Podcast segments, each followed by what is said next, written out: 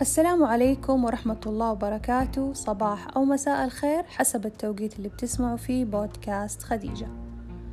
المقارنات من الأمور التي تدمر الشخص وتقلل حجمه ومجهوده أمام ذاته. فعندما يبدأ ذلك الشخص ويسعى لبناء كيان ما وصنع أثر ثم ينظر إلى نتاج جهد شخص آخر قطع نصف المسافة فيرى أنه أنجح منه ويجني ثمارا أنضج من ثماره.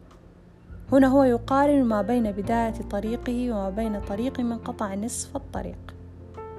دون أن يعي أن الشخص الذي قطع نصف المسافة يختلف عنه لأسباب كثيرة ووجود فروق عديدة ما بينهما كالبيئة المحيطة به والظروف التي مر بها وحتى الصعوبات التي واجهها.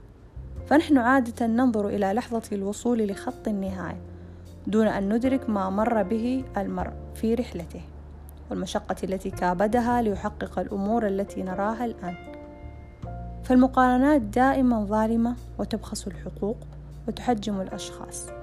ولأننا خلقنا مختلفين سواء في طريقة تفكيرنا ووضعنا للخطط وكيفية السير وفقا لها لا ينبغي على أحد ما أن يقارن نفسه بالآخرين أو يعرض الآخرين للمقارنات التي لا نفع لها ولا عائد منها.